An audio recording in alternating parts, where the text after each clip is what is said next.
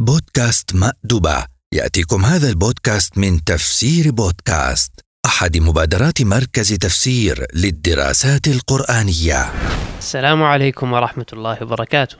حياكم الله في لقائنا الأول من بودكاست مأدبة برنامج قرآني يدور في فلك القرآن وعلومه ورواده نجتمع فيه مع ضيوفنا حول مائدة القرآن.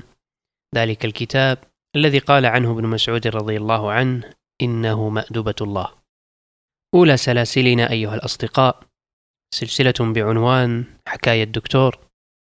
نقابل فيها متخصصين أثروا الساحة القرآنية بنتاج بديع. نتجاذب أطراف الكلام حول ما أنتجوه. ونحاول أن نبرز شيئا من نشأتهم العلمية. ونستكشف كوامن من شخصياتهم وتاريخهم. في العلم والتعلم والتعليم فأهلا وسهلا بكم. ضيفنا الكريم هو الأستاذ الدكتور فهد الرومي. مرحبا بكم فضيلة الدكتور. حياكم الله وبياكم. حكاية دكتور سلسلة مباركة إن شاء الله. بإذن الله. نرجو منها النفع لأهل التخصص وعموم المهتمين.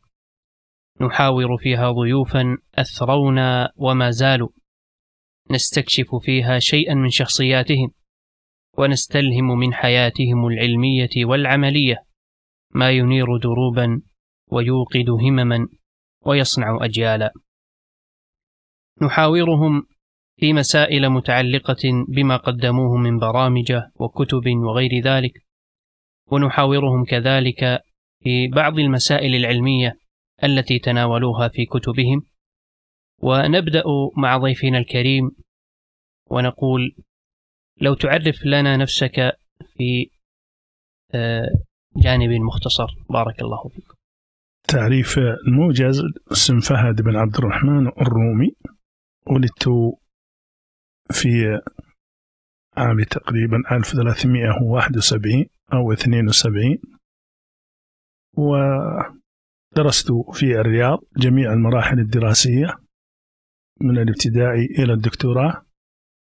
حصلت على الدكتوراه عام 1405 بعنوان اتجاهات التفسير في القرن الرابع عشر والماجستير عام 1400 بعنوان منهج المدرسة العقلية الحديثة في التفسير.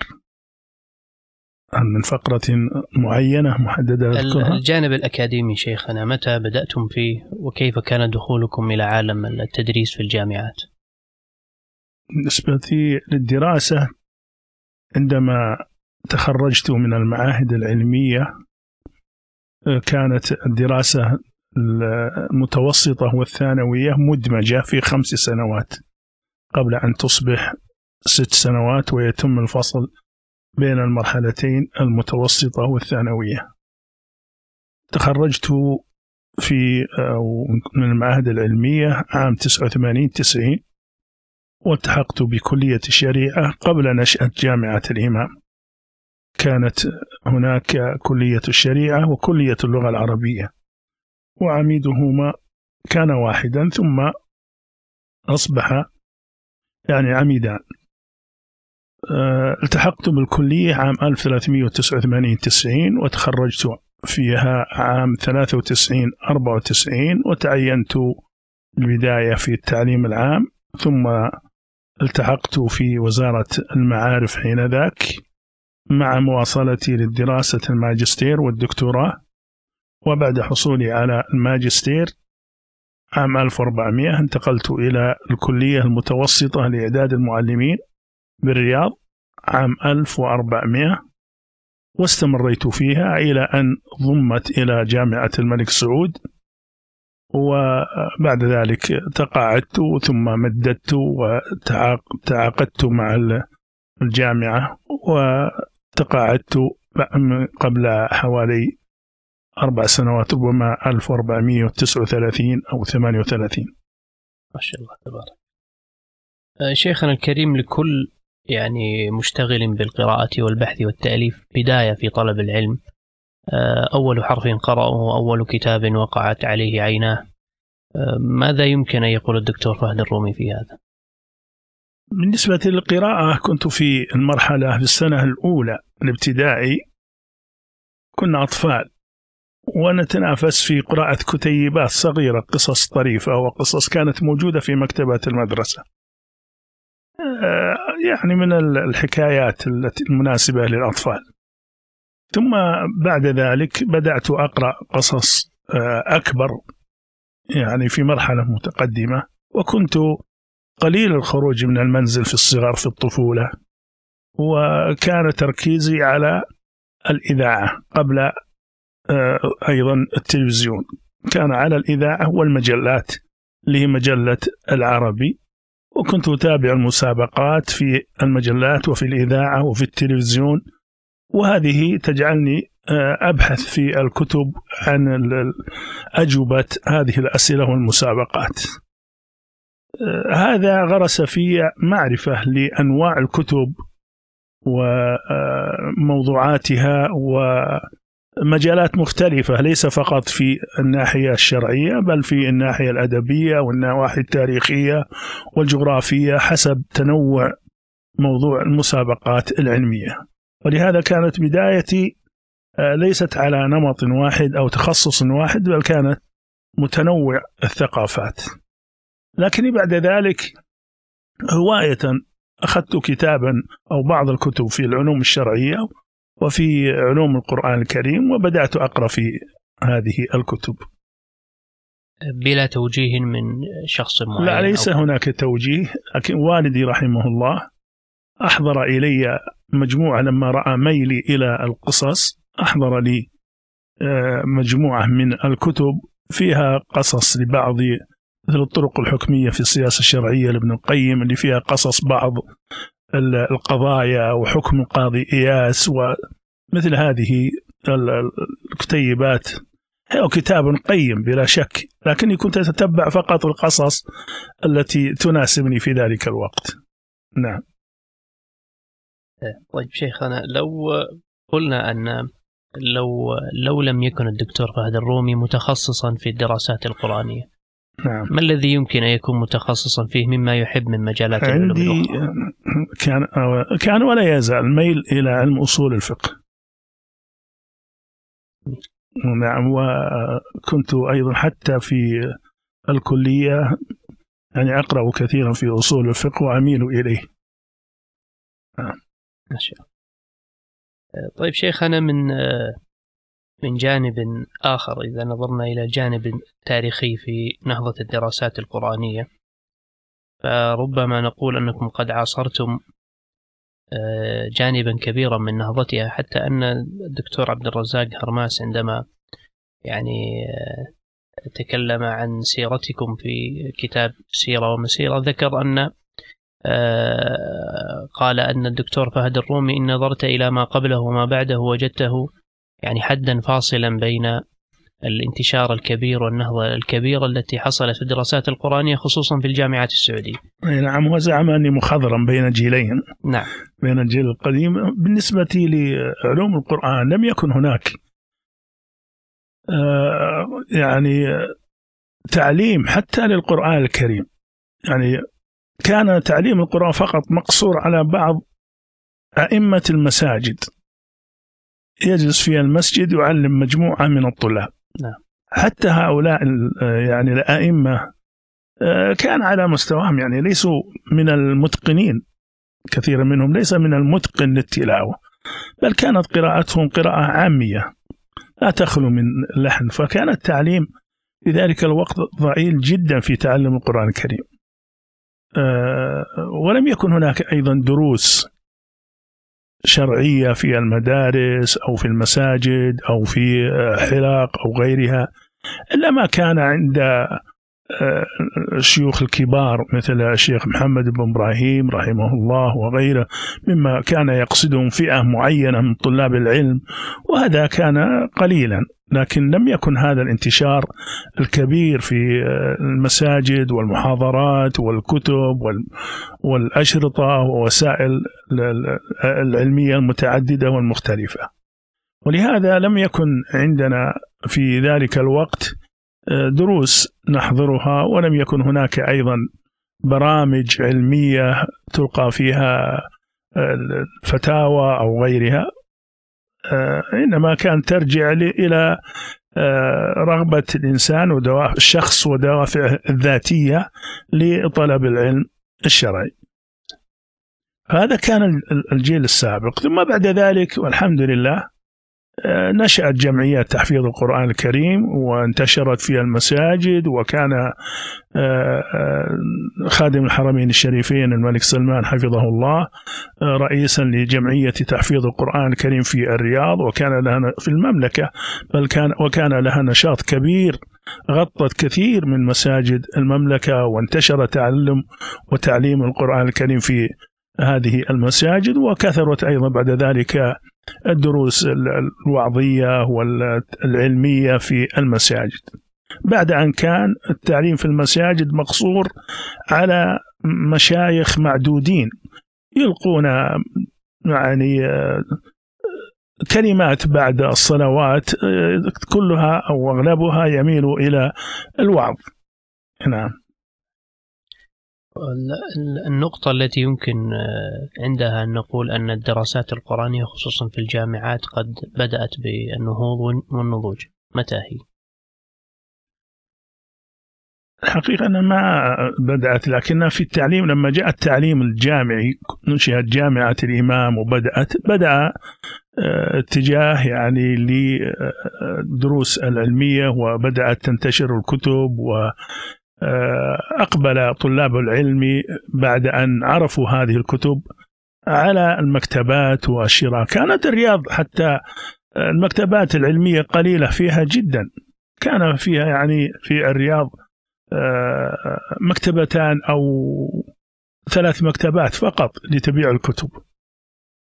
وكانت الكتب إذا طبع كتاب انتشر الخبر بين طلاب العلم نقول والله مكتبة الرياض الحديثة طبعت كتاب المغني طبعت كتاب المحلى ستطبع كتاب كذا. وكنا نشترك أحيانا في كتاب قبل أن يطبع ندفع قيمته.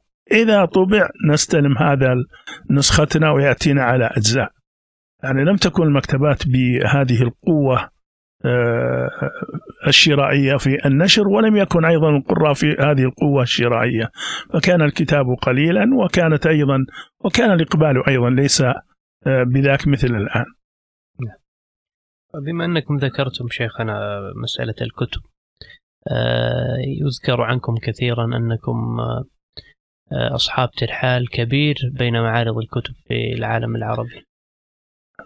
قبل يومين نشرت في تويتر يعني رابط لمجموعة في الكتب دراسات القرآنية.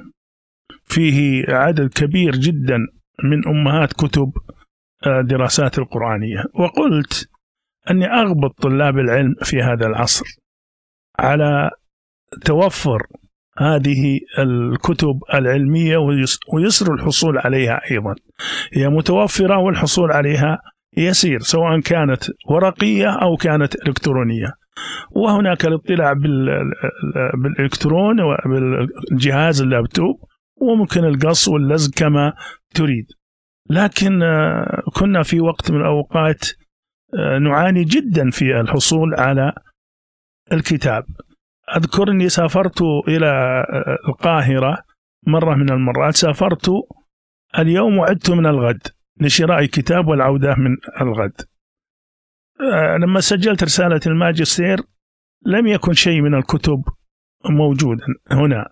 اضطررت للسفر إلى القاهرة وذهبت إلى يعني الملحق الثقافي السعودي هناك وأعطيته القائمة لأستشيره أين أجد هذه الكتب. فنظر إلي وإلى لباسي وكنت في سن الشباب وبلباس أنيق. فأشار بإصبعه إلى ثوبي وقال اخلع ثوبك هذا والبس ثوب من الخيش واذهب إلى مكتبة علي خربوش وستجد هذه الكتب. لأنها كانت كتب قديمة ولم آه، تعد طباعتها بعد ذلك. وفعلا بعد العصر لم ألبس خيشا لكني لبست ثوبا مناسبا وذهبت إلى مكتبة خربوش وبحثت قدر المستطاع عن بعض هذه الكتب وهناك أيضا خدمات. يعني بعض آه، الشباب عنده استعداد أن تعطيه القائمة ويبحث هو بنفسه لك ويحضرها لك بمبلغ رمزي. فكان أن حصلت على بعض آه، مرادي وعدت والحمد لله آه، بغذاء كاف لإعداد رسالة الماجستير منهج المدرسة العقلية الحديثة وكان من ضمنها في ذلك الوقت كتب نادرة. نعم.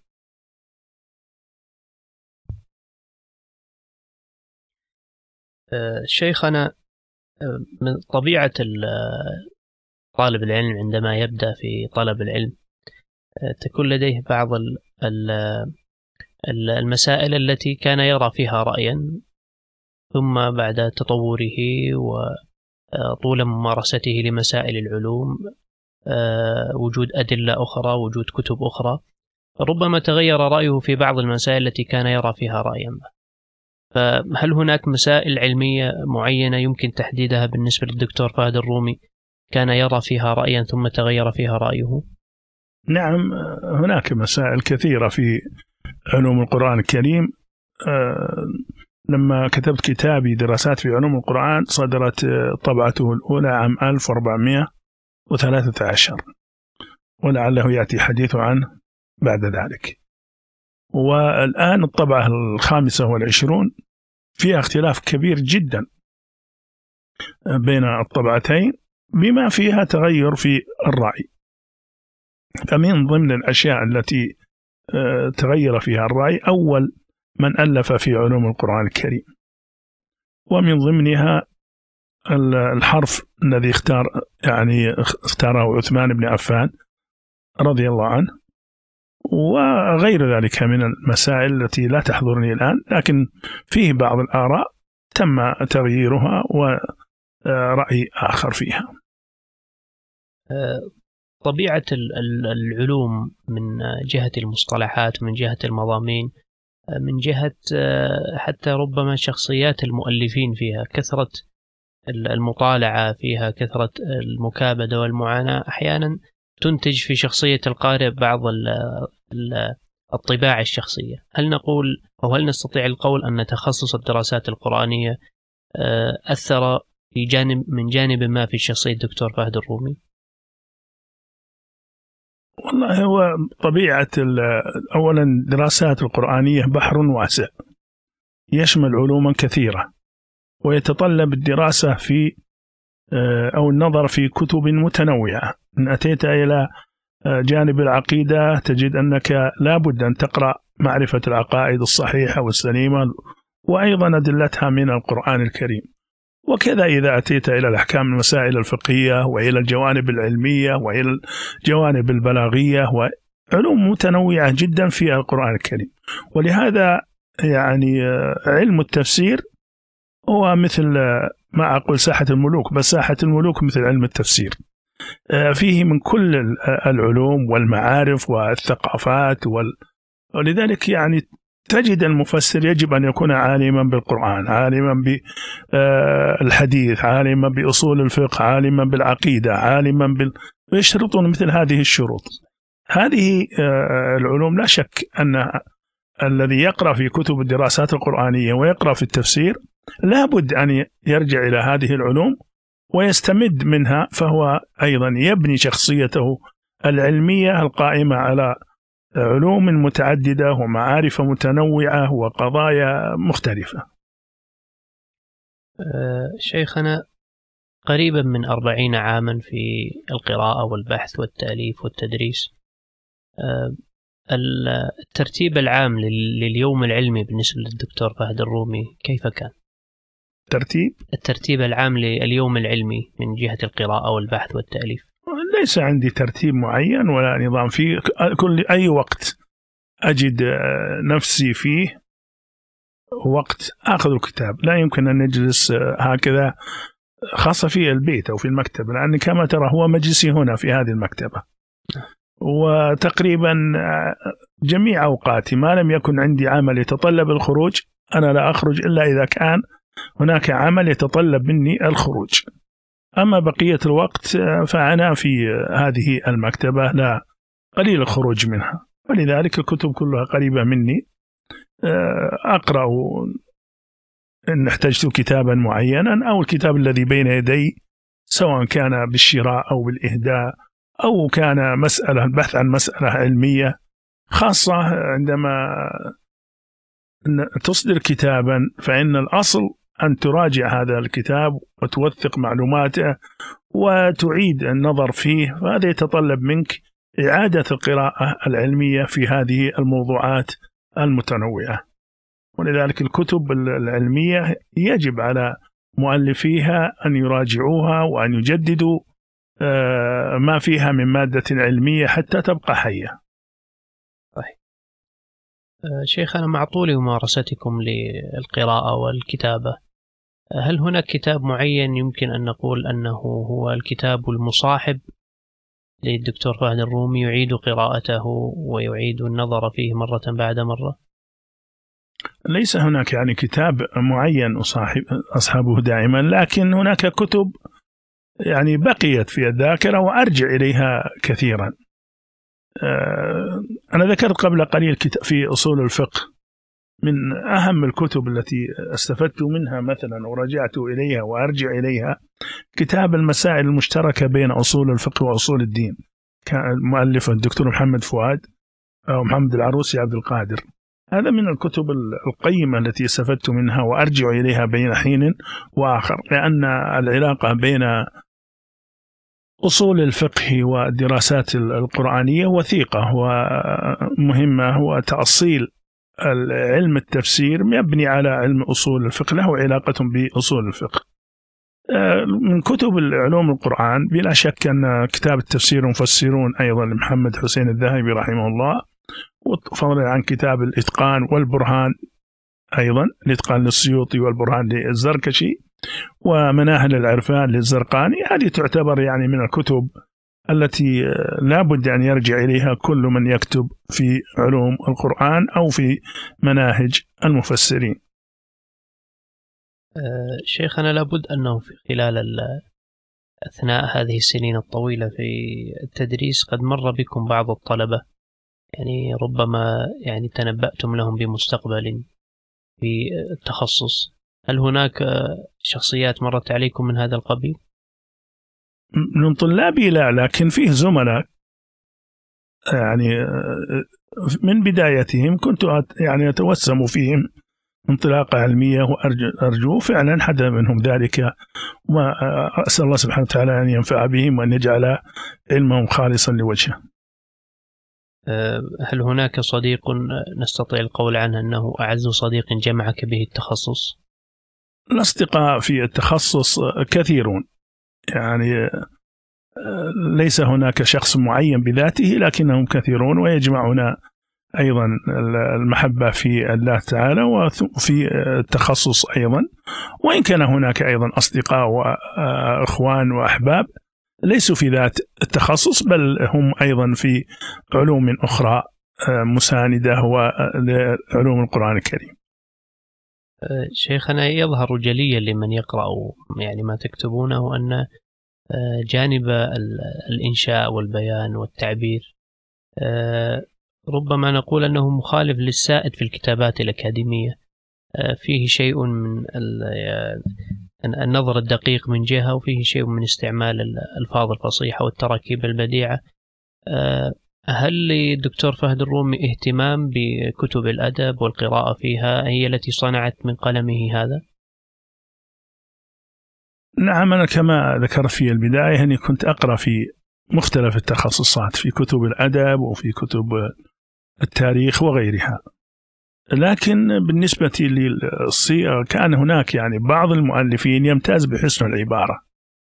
من ضمنهم الدكتور محمد عبد الله دراز في كتابه النبأ العظيم ومن ضمنهم مصطفى صادق الرافعي في كتاب إعجاز القرآن والبلاغة النبوية وطه حسين و آه، عدد من الزرقاني في مناهل العرفان في له بعض الوقفات أو الكلمات وكتب أو أيضا من المؤلفين الآخرين أيضا هناك مؤلفات أو كتب يمتاز أصحابها بحسن العبارة وجمال الأسلوب. أجد أني أحيانا أنسجم مع هذه وأكررها مرات بل مثل أيضا أمين الخولي له عبارات وكلمات آه، جميلة وإن كنت أخالفه طبعا في آه، الرأي في مسائل كثيرة. مثل هذه العبارات تجد الإنسان أحيانا يكررها بل ويكاد أن يحفظها.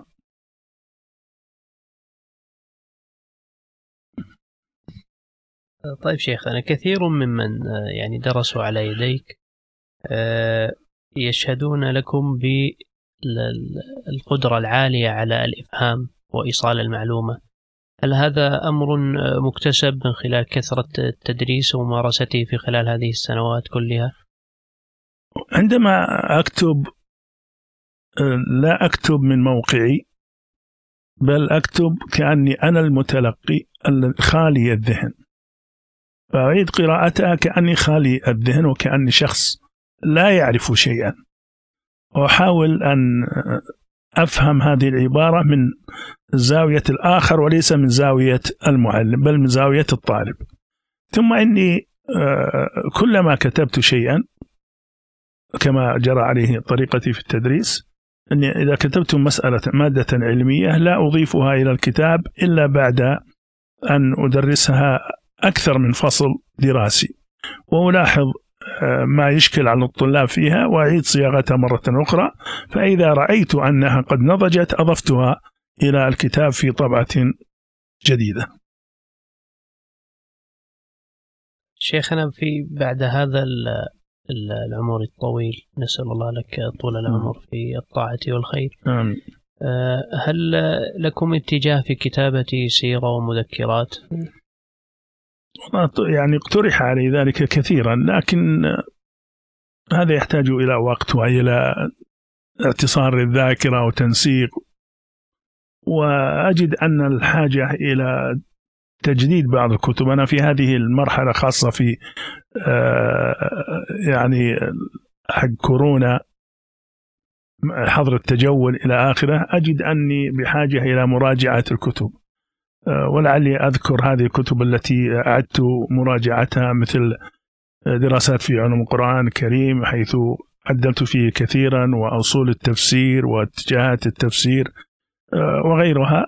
قمت بمراجعة بعض المؤلفات القديمة ولعلي آه، يعني أقوم بتنقيح بعضها وإعادتها طباعتها.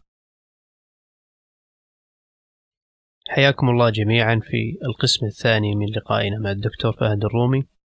آه هذا القسم مختص بالكلام عن آه المسائل العلمية والجانب العلمي في حياة شيخنا آه أطال الله عمره على طاعته. آه كنا قد سألنا شيخنا عن أحب كتاب إليه.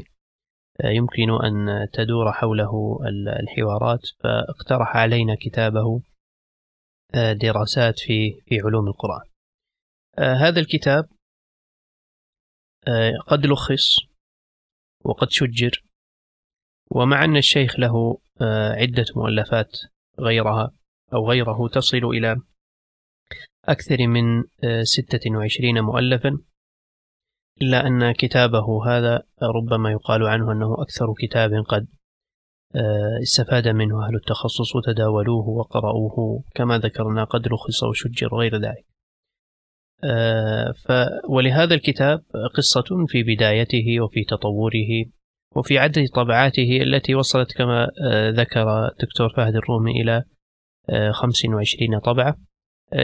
تتفضل دكتور فهد تحدثنا عن هذا الكتاب كيف بدأ ما هي فكرته؟ عندما التحقت في كليات المعلمين الكلية المتوسطة عام 1400 هجرية أسند إلي تدريس مادة علوم القرآن. ولم يكن هناك كتاب يغطي هذه أو مفردات هذه المقررات. كان هناك مقرر 105 ومقرر 205 و 305 و 405 قاف يعني أو قرأ فكنا نرجع إلى كتاب آه، الشيخ آه، إلى كتاب مباحث في علوم القرآن لمناع القطان. ولكنه كان فيه يحتاج إلى بعض التعليقات والإيضاحات والإضافات أيضا بعض المباحث غير الموجودة في الكتاب. واستمريت على تدريس هذا الكتاب وقام بعض أو قمت بكتابة بعض المقدمات لهذا العلم علوم القرآن الكريم. وتطورت هذه المقدمة إلى آه، إضافة بعض المباحث الأخرى بصياغة أخرى. وبعد ذلك عام 1413 طبعت الكتاب في طبعته الأولى دراسات في علوم القرآن الكريم.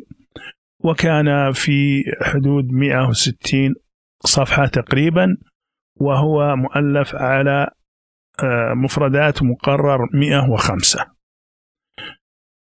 ثم بعد أن درست مقرر 205 أيضا فيه مفردات أخرى وبعد تدريسه كتابة يعني آه، هذه الموضوعات وتدريسها عدة فصول وتنقيحها أضفتها إلى الكتاب وصدر صار في آه، كذا صفحة. وهكذا آه، بدأت أتوسع في علوم القرآن شيئا فشيئا وكلما درست موضوعا أو أضفت موضوعا واستمريت على تدريسه وتنقيحه ودرسه زملائي وأخذت منه الملحوظات ومن الطلاب ومن آه، خبرة التدريس لهذا الموضوع آه، في فصلين أو في أكثر من فصلين قمت بإضافته للكتاب ولذلك ظل الكتاب في كل طبعة يختلف عن الطبعة التي قبلها حتى بلغ الطبعة الثانية عشر وأصبح في 666 صفحة. ثم بعد ذلك 666 صفحة الطبعة آه، الثانية عشر آه، توقفت عدة طبعات. ربما الطبعة التاسعة عشر أو العشرين أضفت إليه مباحث أخرى وفي الطبعة الخامسة والعشرين الأخيرة هذه حذفت موضوعات وقمت بتغيير بعض الآراء كما ذكرت قبل قليل وأضفت أيضا مباحث مثل مشكل القرآن ومبهمات القرآن وأضفت مباحث أخرى آه، وعدلت في بعض القضايا وغيرت بعض العبارات حتى استقر في طبعة جديدة مع صف جديد في أكثر من 720 صفحة مع الحد يعني بدون الحذف وما ما حذفت من الطبعات السابقة. نعم.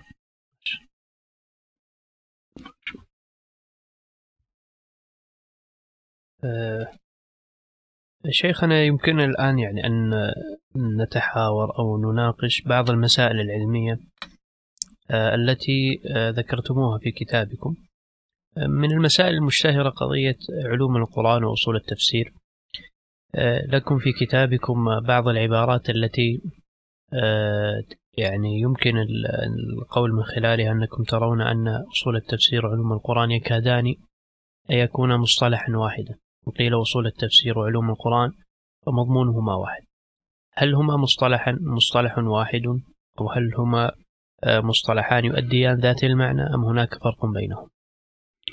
ما إذا اجتمعا افترقا وإذا افترقا اجتمعا اختلفا فأصول التفسير أو علوم القرآن تسمى, تسمى أصول التفسير تسمى أصول التفسير وألف بعضهم مؤلفات في الوجيز في أصول التفسير يريد بها علوم القرآن الكريم.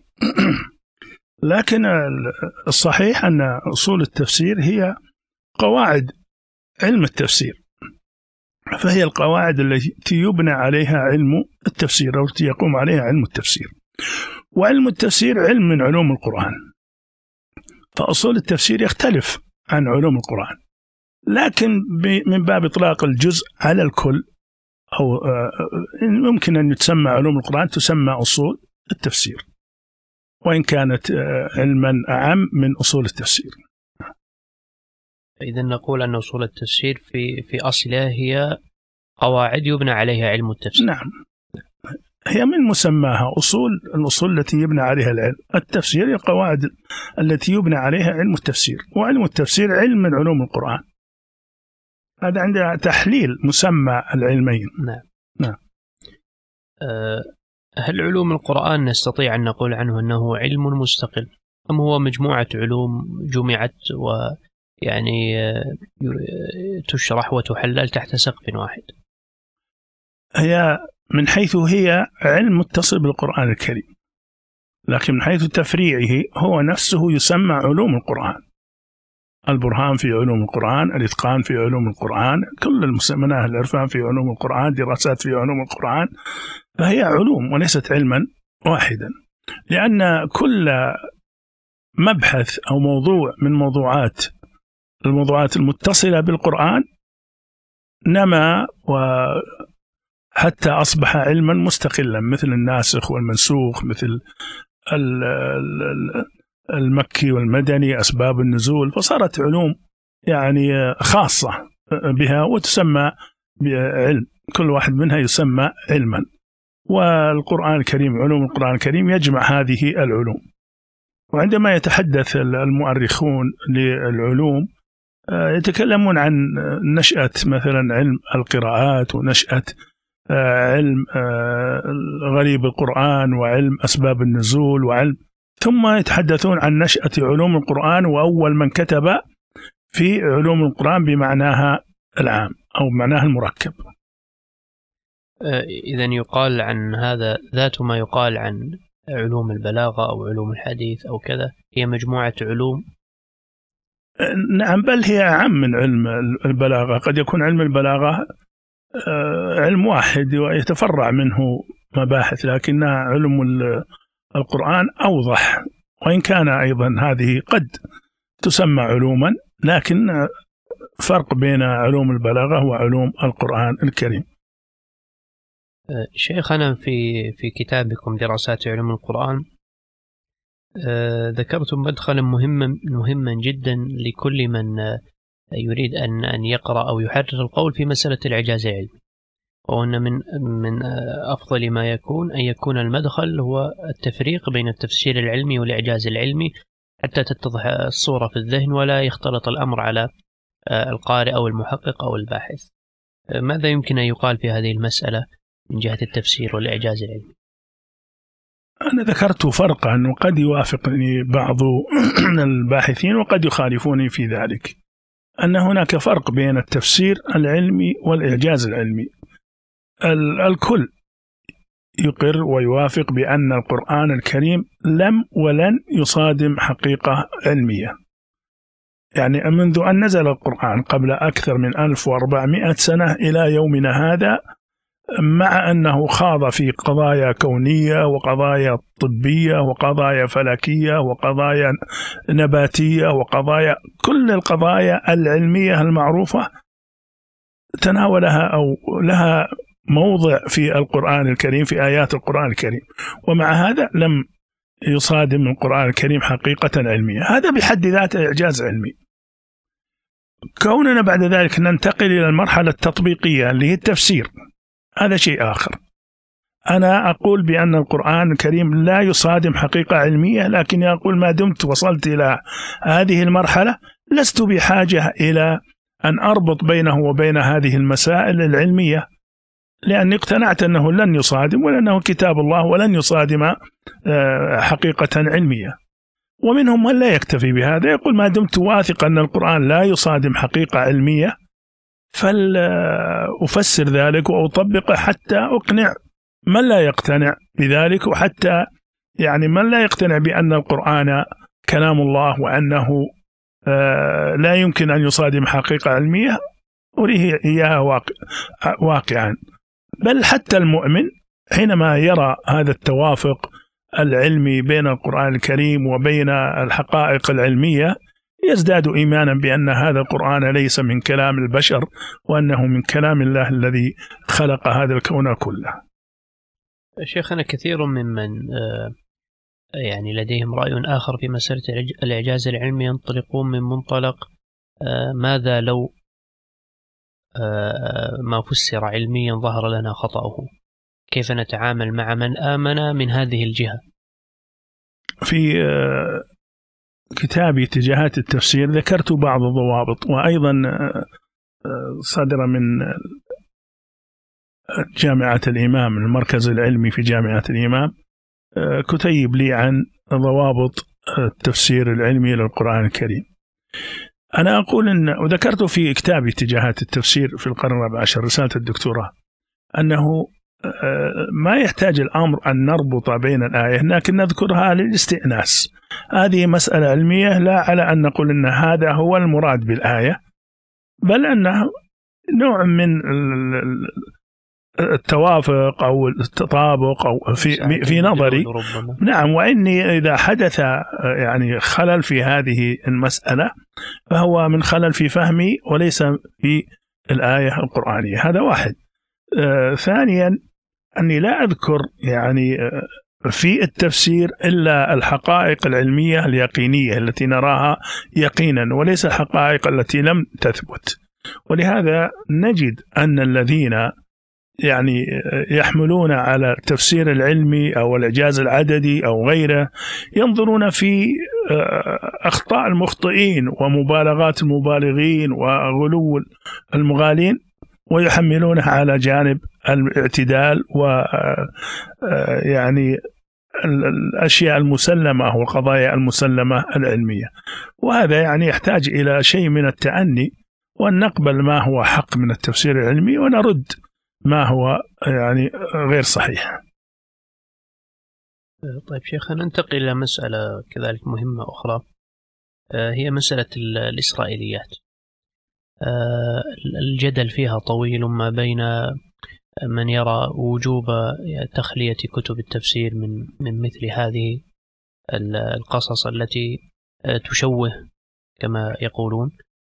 آه، ومنهم من يرى أنها ضرورية لفهم القرآن وأن الصحابة والسلف قد استعملوها. أين يمكن أن يقف طالب العلم من هذا؟ وما القول الذي تختارونه فيه؟ هذا لا يبعد عن ما ذكرت في التفسير العلمي. قلت أن فيه حقائق وفيه نظريات. المسائل الإسرائيليات هي مصدر من مصادر التفسير بل من المصدر المأثور وقد يعني قد يفاجأ بعضهم حينما أقول أنها مصدر لأنها هي روايات ويرجع إليها في التفسير.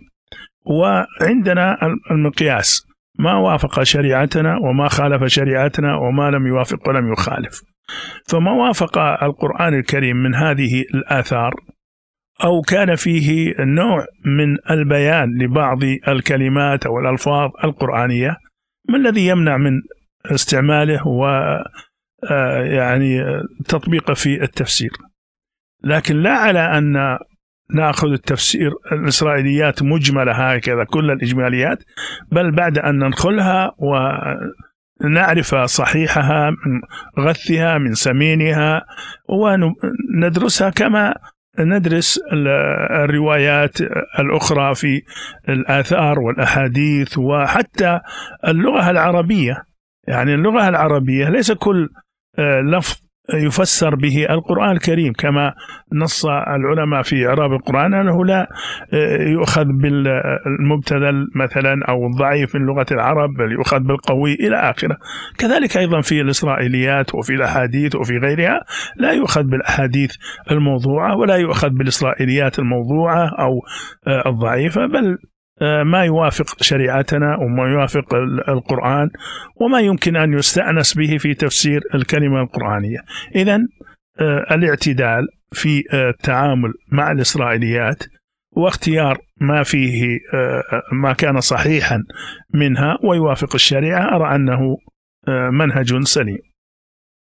شيخنا هل هل المدخل في التعامل مع الإسرائيليات ومدخل بالنظر إلى مضمونها ومعرفة هل هل مضمونها موافق للحق أم لا أم هو آه، أما المدخل إليها مدخل من جهة النظر الإسنادي؟ لا هو نجمع الاثنين مثل ما قلنا حتى في الأحاديث. الإسناد والمتن. فننظر للإسناد مثل ما قلت أنه آه، لا بد من أنها توافق الشريعة. طبعا ما يوافق الشريعة يجب أن يكون صحيح السند.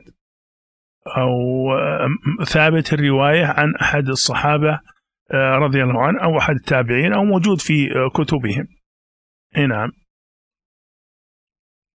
طيب شيخنا من البحوث المتأخرة التي كتبها بعض طلبة العلم في قضية الإسرائيليات آه، يعني زعم بعضهم من خلال الواقع التطبيقي في كتب التفسير أن هناك بعض المواضع في القرآن لا يمكن أن نفسرها إن لم ندخل فيها جانب الإسرائيليات وطبق هذا على قصة السامري في سورة طه.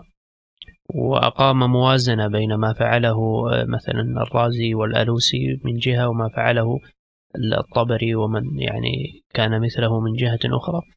وعند النظر إلى ما فعله الرازي والألوسي وهي محاولة تحييد الإسرائيليات والنظر إلى النص القرآني نظرة لغوية محاولة تفسيره باللغة أنهم قد وقعوا في إشكالات كبيرة آه، حتى ربما تخالف النظم القرآني. هل يمكن أن يصل السؤال هنا هل يمكن أن يصل الحد إلى الإسرائيليات أن أن تكون مستقلة بالتفسير في بعض المواضع؟ أنا كما قلت قبل قليل أنه لا بد من آه، ممكن نستفيد من الإسرائيليات في التفسير لكن لا على أن نقول أنه لا يمكن أن نفهم القرآن إلا بالإسرائيليات هذه صعبة جدا آه، أن نقول أنه لا يمكن أن نفهم القرآن إلا بالإسرائيليات لأن الرسول صلى الله عليه وسلم آه، بين لنا القرآن معانيه كما بين لنا ألفاظه لكن أن نستأنس ببعض الروايات الإسرائيلية كمرجح لبعض المعاني هذا لا بأس فيه. أما نقول أنه لا يمكن الفهم هذا صعب. خاصة إحنا نرى أيضا في التفسير العلمي بعض الذين يبالغون في التفسير العلمي يقولون لا يمكن. كل الذين سبقوا لم يفهموا القرآن ولم يفهموا الناس إلا بعد في هذا العصر هذا غير صحيح. ولذلك كنت في بعض المؤتمرات ناقشت أحدهم يقول إن أو لم يفهم أحد منذ 1500 سنة لا أدري متى لماذا حدد 1500 سنة لم يفهم أحد هذا المعنى قبل أن أقوله. كان المسلمين كلهم لم يفهموا القرآن. هذه من المبالغات والشطحات الكبيرة آه، التي لا تقبل في مثل هذا القول. لكن نقول أن والله الإسرائيليات مثلا مرجح في التفسير بين قول وقول آه، مثل ما نرجح في حديث أو نرجح في أثر أو نرجح في لغة عربية مسألة آه، لغوية هذا معقول. آه، طيب شيخنا ننتقل إلى مسألة أخرى وهي يعني كما ذكرتم في بدايات اللقاء عن اهتمامكم بأصول الفقه وهذا ظاهر في يعني كتابة كتابكم دراسات في علوم القرآن من ذكر كثير من المواضع المتعلقة بأصول الفقه المنطوق والمفهوم والعام والخاص.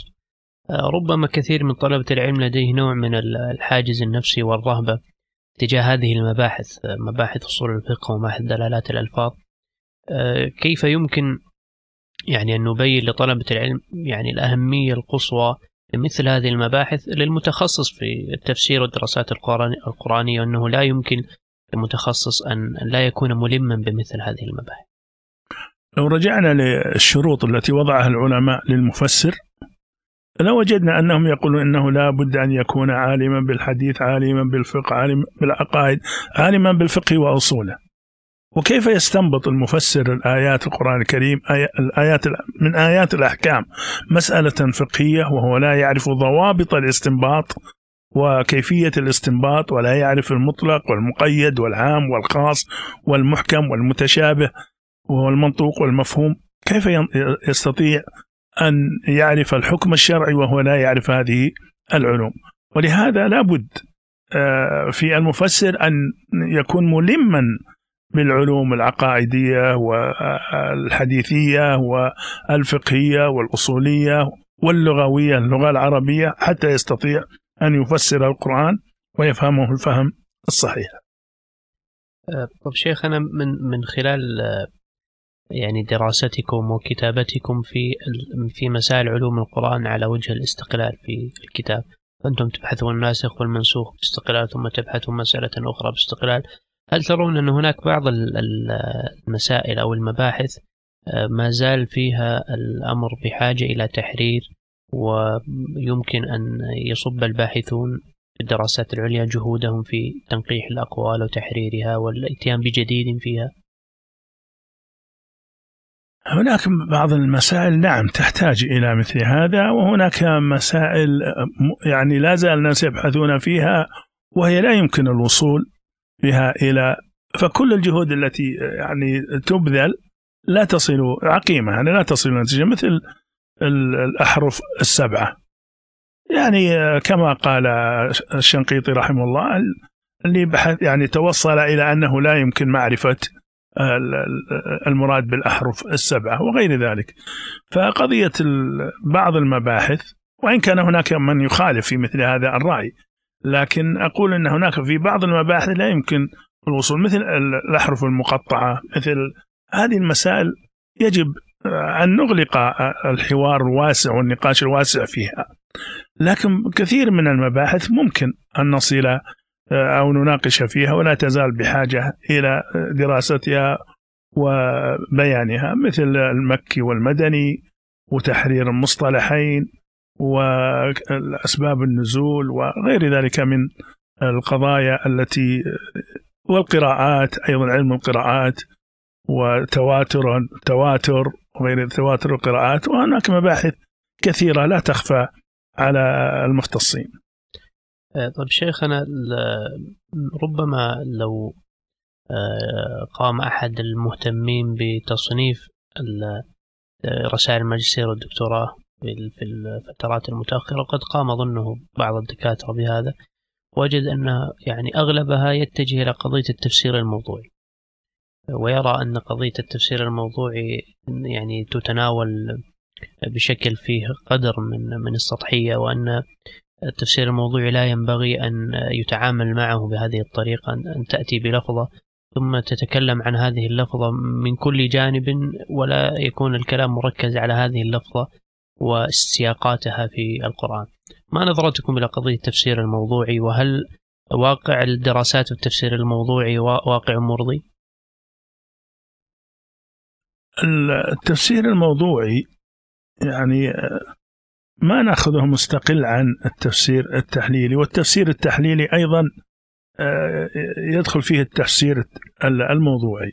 التفسير الموضوعي من أساسياته ومن قواعده ومن الخطوات التي بيناها وذكرتها في كتابي في دراسات وفي أصول التفسير أن من خطواته التفسير التحليلي. بعد أن يدرس ما حول النص يدرس النص من ناحية مفرداته ومن ناحية التركيب. هذا هو التفسير التحليلي.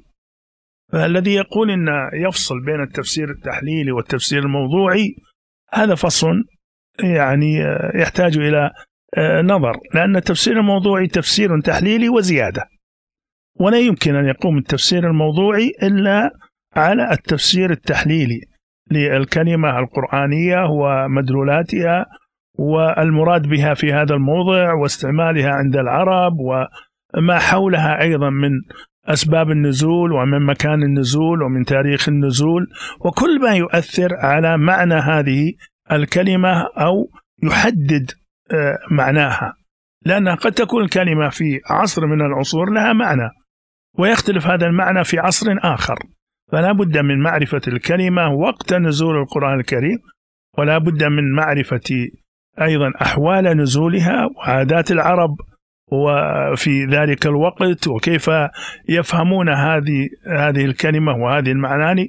هذا هو الذي يبحثه التفسير الموضوعي فقط أنه يتعمق في المفردة آه، واستعمالها في القرآن الكريم. على حسب التفسير الموضوعي إن كان في مفردة أو كان في صورة أو كان في القرآن الكريم. وقد يعني آه، بحثت أنا ذلك في كتابي الصلاة في القرآن الكريم. ويعني درست معاني الصلاة في القرآن الكريم اللي هو كما يأتي في علم الوجوه والنظائر أو الأشباه والنظائر واستعمالات هذه الكلمة في القرآن الكريم ومعانيها.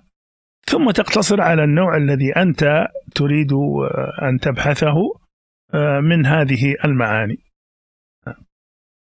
طيب شيخنا آه، نريدكم أن تختموا بارك الله فيكم بكلمة توجهونها لطلاب الدراسات العليا بما من الله عليهم سبحانه وتعالى من آه، أن يسر لهم هذا التخصص ويعني جعلهم من آه، ممن يعني يدرسون ويتناولون ويقرؤون كل ما له تعلق بهذا الكتاب المبارك. أول شيء في طلب العلم هو الإخلاص. أن لا ينسى طالب العلم أن يريد بعلمه وجه الله سبحانه وتعالى حتى يبارك الله له فيه ويوفقه ويفتح له أبواب العلم والفهم والمعرفة. آه، أما من يطلب العلم لذات العلم أو لمنصب آخر فقد تمحق بركة العلم هذه ولا يفتح له آه، باب التوفيق وباب البركة في هذا العلم. فأسأل الله سبحانه وتعالى لطلاب الدراسات العليا وغيرهم من طلاب العلم أن يعينهم على محض الطلب وأن يجعله خالصا لوجه الله تعالى حتى يفتح له باب العلم. أيضا التلقي العلمي تلقي العلم من أهله من أهل العلم وليس آه، من أدعيائه أو من أصحاب العقائد المنحرفة بل يحرص على اختيار المعلم آه، المستقيم صاحب العقيدة السليمة آه، صاحب الفكر السليم حتى يوجهه التوجيه الصحيح لطلب العلم. ثم آه، المداومة على المراجعة والمذاكرة والمدارسة آه، مثل ما قلت مثلا دائما يحرص على كثرة النظر في علوم القرآن الكريم حتى أو كتب التفسير حتى يألفها ويألف أساليب المؤلفين ويألف عباراتهم ويألف آه، هذه العلوم والمعارف حتى تصبح آه، منقادة له يتجول فيها كأنه يتجول في بيته أو في داره أو في غرفته. نعم. بارك الله فيكم شيخنا وكتب الله أجركم. وأجركم. آه، كانت سياحة ماتعة وأثرانا فضيلة الدكتور فهد الرومي بما أعطاه الله سبحانه وتعالى في حياته العلمية والعملية مما آه، درسه وكتبه. ناقشنا في آه، هذه الدقائق مسائل علمية وتناولنا فيها أمورا متعلقة بضيفنا الكريم. نسأل الله سبحانه وتعالى يجعل فيما قاله شيخنا نفعا وبركة ويجعله في موازين حسناته. نلقاكم على خير بإذن الله في لقاء قادم. والسلام عليكم ورحمة الله وبركاته. يأتيكم هذا البودكاست من تفسير بودكاست أحد مبادرات مركز تفسير للدراسات القرآنية.